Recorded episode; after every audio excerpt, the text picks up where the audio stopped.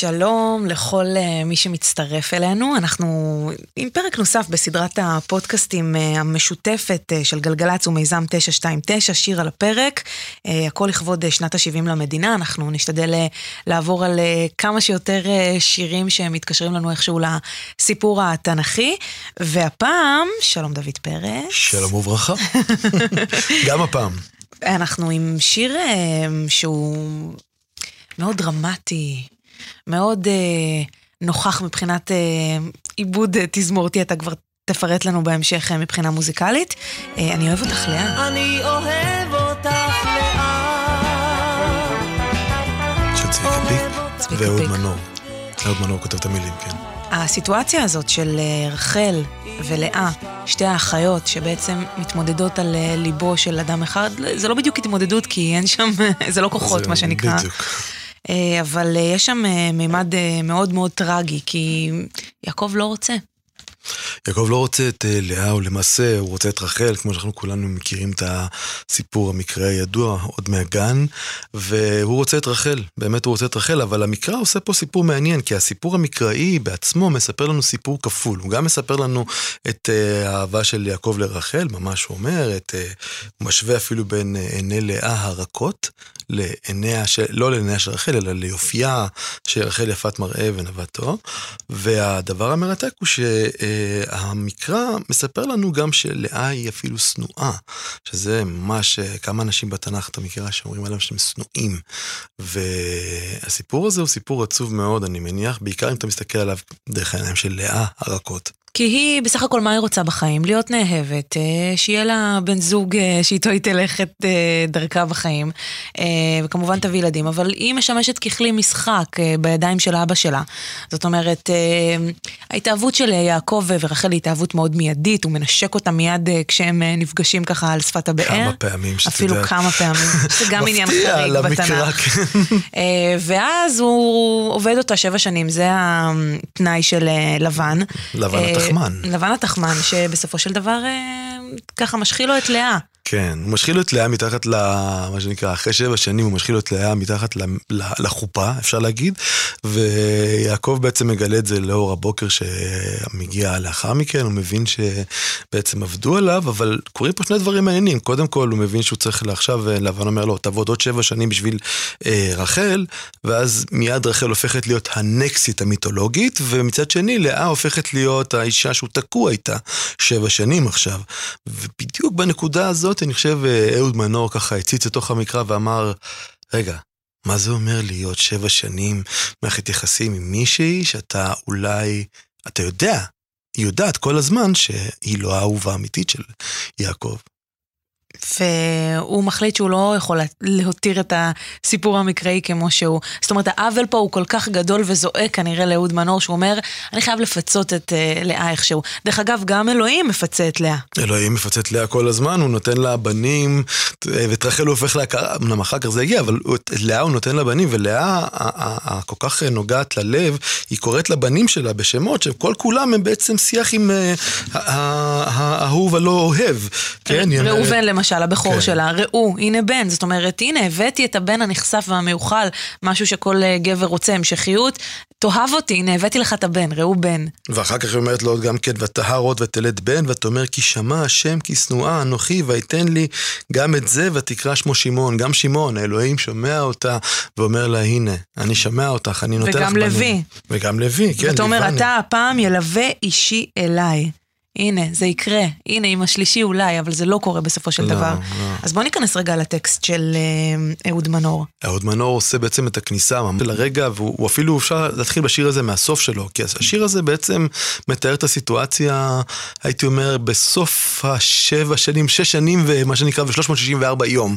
כן, זה ממש רגע אחד לפני שיעקב אה, עובר לרחל, זה ההבטחה... בעצם בתום ממש- 14 שנים. כן, 14 שנים מאז הרגע הראשון, וצריך לקחת בחשבון שזה בסוף השבע שנים, אה, שהוא מתח... מחכה אחרי, אחרי לאה, בסוף השבע שנים, רגע אחד לפני שהוא עובר לרחל. ככה, השיר בעצם נמצא ברגע האחרון שלהם ביחד. רגע לפני הפרידה, הסופית. אה, את יודעת, הם עדיין היו נשואים אחר כך, אבל אבל כן, כן. אבל לא תפקדו כזוג נשוי, לא- ככל הנראה. לא הרגישו ככל הנראה, אנחנו לא- לא עד כדי כך יודעים, אבל בגדול אנחנו יודעים שהוא הוא שנא אותה, כן? האל רואה את זה ואומר אפילו, וירא האלוהים שם ש... איך אומר? וירא השם כי שנואה לאה ויפתח את רחמה ורחל הכרה. זאת אומרת, האל רואה את זה, הוא גם מנסה לנתב את יעקב, אולי לרכך את ליבו. וגם אה, אהוד מנור. אה. מרכך את הגישה של יעקב, זאת אומרת, השיר הזה אה, נכנס לתוך הטקסט התנ"כי שהוא אה, בדרך כלל רווי בפעולות, כן? ופחות ברגשות ומה עובר על נפשו של הגיבור, וכאן אהוד מנור מכניס אותנו לגמרי לתוך המוח של יעקב, והוא מתחיל בזיכרון של אותו לילה ראשון שהחליפו לו את רחל בלאה. אותו הבוקר לא אשכח. אה, איזה לילה זה היה, זאת אומרת, הוא מתחיל ממש, את אותו הבוקר לא אשכח, אתה חושב שזה, וואו, איזה בוקר מקסים היה לנו, אבל אחר כך אתה מבין, טראומה. כשטמנת ראשך בקר, מה מי טמן את ראשו בתוך הקר? מי שאור השמש על האוהל נח, וראשי הלום שחר. עכשיו, הוא גם מאשים את עצמו שהוא היה כנראה שיכור מרוב העניין הזה, אבל באיזשהו שלב הוא מבין. שלחשתי באוזנך את שמה, הוא גם חושב עליה, הוא אומר, תראי, אני כל הלילה לחשתי באוזנך את שמה, ואת אפילו שתקת, לא אמרת, לא זה. כשלחשתי באוזנך את שמה. את ידי אספת ביד קרה, ודמעה אחת חמה אל כפות ידיי נשרה. זאת אומרת, משהו ב- במתח הזה ביניהם מצייר אותו באיזשהו מקום כאוהב המתלהב, אבל אז הוא מבין שזאת בעצם לא אהובתו, והיא מבינה את, הסיפור הטרגי שלה בתוך המקרה הזה. בין השורות הללו שקראת עכשיו מסתתרת גם חמלה של יעקב כלפי, כלפי לאה, כלפי הסיטואציה הנוראית שלה. כי הוא אומר, אה, דמעה אחת חמה אל כפות ידיי נשרה. יש פה איזשהו רגש קרוב, בניגוד לשנאה שכל כך זועקת משורות הפרק המקראי. כן, ופה זה מרתק, כי גם בפזמון הוא הולך ממש עד הקצה, הוא אומר לה, אני אוהב אותך, לאה. אני אוהב אותך לאט. אוהב אותך. אוהב אותך, גאה. על מה היא גאה? זהו. על מה הגאווה הגדולה? הגאווה הגדולה היא זה שהיא אומר, אולי אני חושב שמה שמאוד מנו אומר, גאה גם בתפקידה הנוכחי וגם בעובדה שבאיזשהו מקום אני חושב שהיא מרגישה שנעשה לה עוול ועדיין לא הופכת את זה למין סוג של אה, אה, משהו שמשנה את חייה לרעה. היא לא נותנת לרוע הזה לחלחל בתוכה. היא לא אה, אה, מתחפרת בעמדה הקורבנית אולי. לא, לא, ממש לא. וגם יש לה אה, ילדים ברוך השם, שהופכים אה, בסופו של דבר לשבטי ישראל, לחלק המאוד אה, מרכזי מבחינה כמותית של שבטי ישראל. אז יש בזה גאווה. הרבה גאווה, אבל אני חושב שהוא גם, גם הולך מעבר, כי להגיד אני אוהב אותך אחרי שהמקרא אומר, הוא שונא. אותה, שנואה, יש בזה הרבה כוח, ואני חושב שאהוד מנור עושה עימה הרבה חסד בשיר הזה. אבל גם כשהוא אומר שתי ידיי אה, עייפו ועינייך מה יפו. זאת אומרת, הוא אומר הנה הוא מחמיא לה, הנה הוא מתחבר אליה חיצונית, לא אבל כעיני רחל. ועינייך מה יפו. כן, אבל לא סתם, לא סתם, עינייך מה יפו, כן, נכון, אבל בכלל, בואי נדבר, בכל המקרא כולו, יש רק שני אנשים שמוזכרים העיניים שלהם, זה דוד יפה עיניים, ועיניה של לאה רכות. עכשיו, התיאור של לאה דרך העיניים שלה, ראי הנפש, אתה חושב על זה, מה זה אומר עיניה של לאה רכות? הנפש שלה רכה, ואז הוא אומר, ועינייך מה יפו, הנה. אחרי כל השנים האלה ביחד, אולי השידוך הכי לא מוצלח שהיה אי פעם, אחרי כל השנים האלה, אני פתאום מתחיל לראות אותך גם כאדם בזכות עצמו, גם כיפה בזכות עצמך, וגם כאישה מלאה ולא תחליף זול. אה, שיש בזה ניסיון אה, מאוד נוגע ללב של אהוד מנור, זאת אומרת, אבל, אבל יחד עם זה שהוא רואה את הצער ואת הכאב של אה, לאה, הוא לא נותן לה להיות לגמרי דמות בסיפור הזה. זאת אומרת, גם הפיצוי נעשה דרך העיניים של יעקב, דרך נקודת המבט של יעקב, לא מתוך נקודת המבט של לאה. איך אמר ג'יימס בראון? It's a man's world. גם במקרא, זה עולם של גברים. הגבר וגם כותב- אצל אהוד מנור. נכון, אהוד מנור הגבר, צביקה פיק הגבר, ואולי הכותב המקראי, סביר להניח שגם גבר.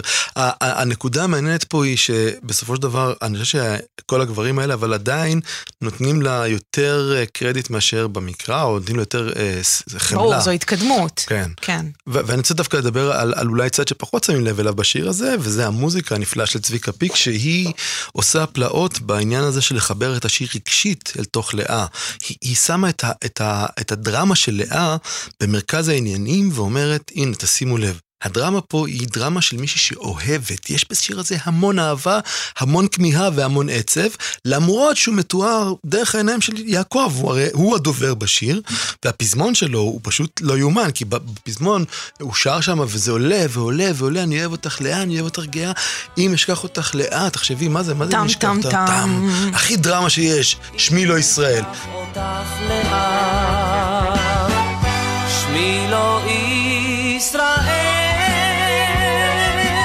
הלו, מה זה שמי לא ישראל? הרי אתה בכלל קורא לך יעקב, על מה אתה מדבר? וישראל... וכל הסיטואציה של ישראל בכלל מתרחשת בעתיד. כן. ואז אתה אומר, אוקיי, הדרמה פה זה שאני חושב שהמקרא שם את הציבור בתור עובדות קרות, ואהוד מנור וצביקה פיק מחממים את מצע הרגשות המטורף שמתקיים ביניהם, ואני חושב שההבנה הכי גדולה היא שאולי כל הדבר הזה קורה גם בעתיד לבוא, בגלל שכל הסיפור של ישראל מגיע אחר כך, שיעקב עובר את מעבר היבוק וכולי, ורב עם המלאך, ופה הוא עדיין יעקב, לפני שהוא ישראל, ולכן זה כל כך מרתק שאהוד מנור בוחר לשבש את הזמנים, לשים את העתיד בתוך העבר, של הסיפור. אולי גם מתוך uh, רצון uh, uh, להעשיר את הזיכרון הקולקטיבי של כולנו. Uh, כי אני לא חושבת שיש מישהו מאיתנו שנמצא נגיד בבתי הכנסת או קורא את הפרשה הזאת, uh, ולא נזכר מיד בשורה הזאת, אני אוהב אותך לאה. כן. זאת אומרת, זה כבר נכנס לנו, זה בלתי אין בראש שלנו. וואו, זה, זה, על זה לא חשבתי, שזה כבר הפך להיות חלק מהבלתי אין הישראלי, שהוא חודר כבר לתוך התפילות. והפיצוי ללאה כן. נמצא אצלנו בפנים. אז אני חושב שצדק היסטורי, כמה, ארבעת אלפים שנה אחר כך, עוד מנור עושה צדק. ו... לעתיד לבוא. כן, לעתיד לבוא. אבל אני חושב שזה ממש יפה, כמה שהשיר, אם אתה שומע אותו אגב ככה, ואתה אפילו לא מבין מה המילים, אתה אומר לעצמך, זה שיר אהבה מאוד מאוד דרמטי למישהי, אבל כשאתה הולך לבית האחרון ואתה אומר, זה מה בקשתך, אמרי לאה, שבע שנים חלפו מזמן ונותרה רק עוד שעה בטרם ייסגר הגן. מזכיר אומר... לנו, בסוף הסיפור הזה הוא סיפור עצוב. מאוד, מאוד. אני חושב שזה היופי שלו, זה היכולת שלו להיות מצד אחד גם מאוד מאוד רומנטי, מצד שני גם מאוד מאוד להכיל את הדרמה של הסוף, הסוף הטרגי שקורה שם, וגם לראות את לאה בסופו של דבר כדמות לכאורה משנית במרכזיותה. לשים את הדמות המשנית הזאת במרכז המפה ולהגיד, בואי נראה איך מרגישה מישהי שכל החיים שלה הייתה כלי שרת בידי גברים. אה, ויש בזה משהו אה, מרתק וחשוב. זאת אומרת, לא לכתוב שיר על סיטואציה תנכית ולתת לה איזה שהן, אה, איזה שהם הסברים בלשוננו אנו. זאת אומרת, לקחת את הסיטואציה ולהעשיר אותה, לשנות אותה, להביא את העמדה שלך לתוך, ה, לתוך השיר, ואני חושבת שזה הרבה יותר מעניין בעיקר, מאשר פשוט לקחת שיר ולהנגיש אותו אולי במילים יומיומיות שלנו, בזמנים שלנו, זאת אומרת. אחד הדברים שלמדתי מהפרויקט הזה, אני הרי כותב את השירים, את הפרשנות השירים האלה, זה ראיתי שאהוד מנור זה כנראה אה, עניין של שיטה אצלו.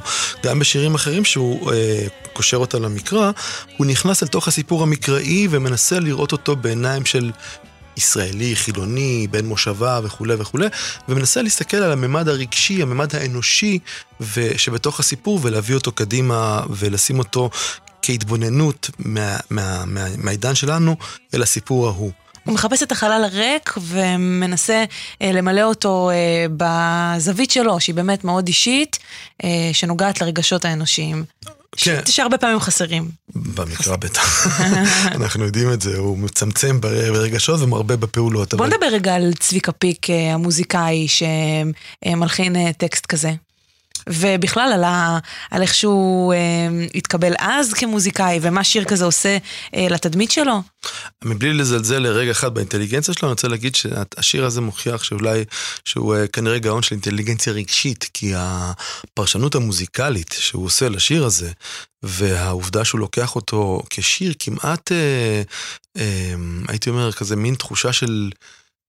סופר רומנטי, אבל גם מצד שני גם מלא באיזושהי כמיהה ומאוד מאוד אה, ברורה, דרך הכינורות, דרך השימוש שלו בסינתסייזר, שקצת אה, שם את השיר הזה כמעט כשיר מדע בדיוני כזה, אתה יודע, זה נשמע לכאורה השיר הכי עתיק בעולם, זה על, על יעקב ורבקה, ו, סליחה, יעקב, לאה ורחל, ופתאום הוא שם סינתסייזר מהעתיד המתקדם, והסולו הזה על המוג, הופך פתאום את השיר למין משהו שכזה שאתה אומר, רגע, הסיפור הזה הוא לא סיפור של מה שהיה, זה סיפור של קורה כל יום, כל שנה, כל...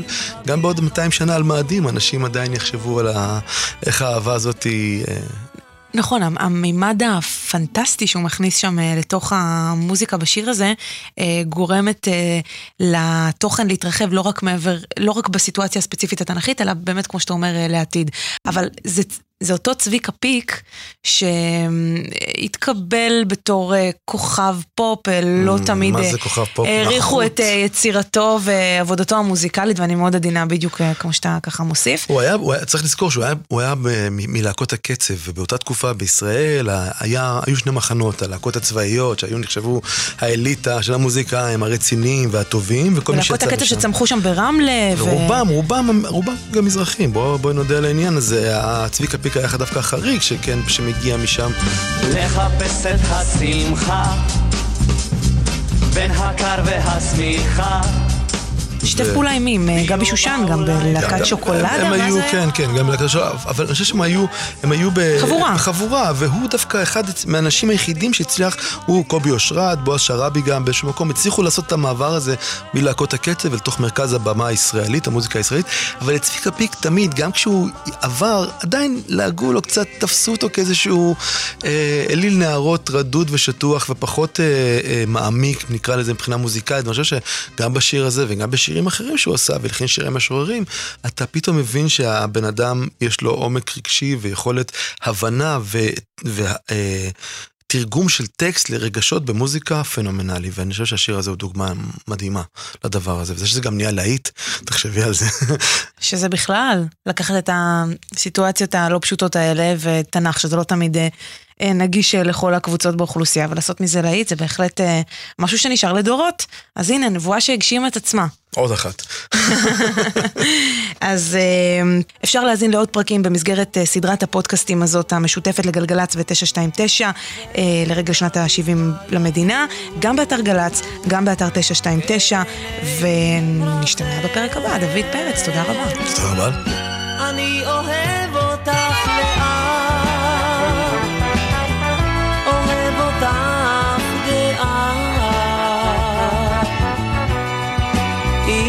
אשכח אותך לאט. שמי לא ישראל, אל ימר ליבך על אחותך.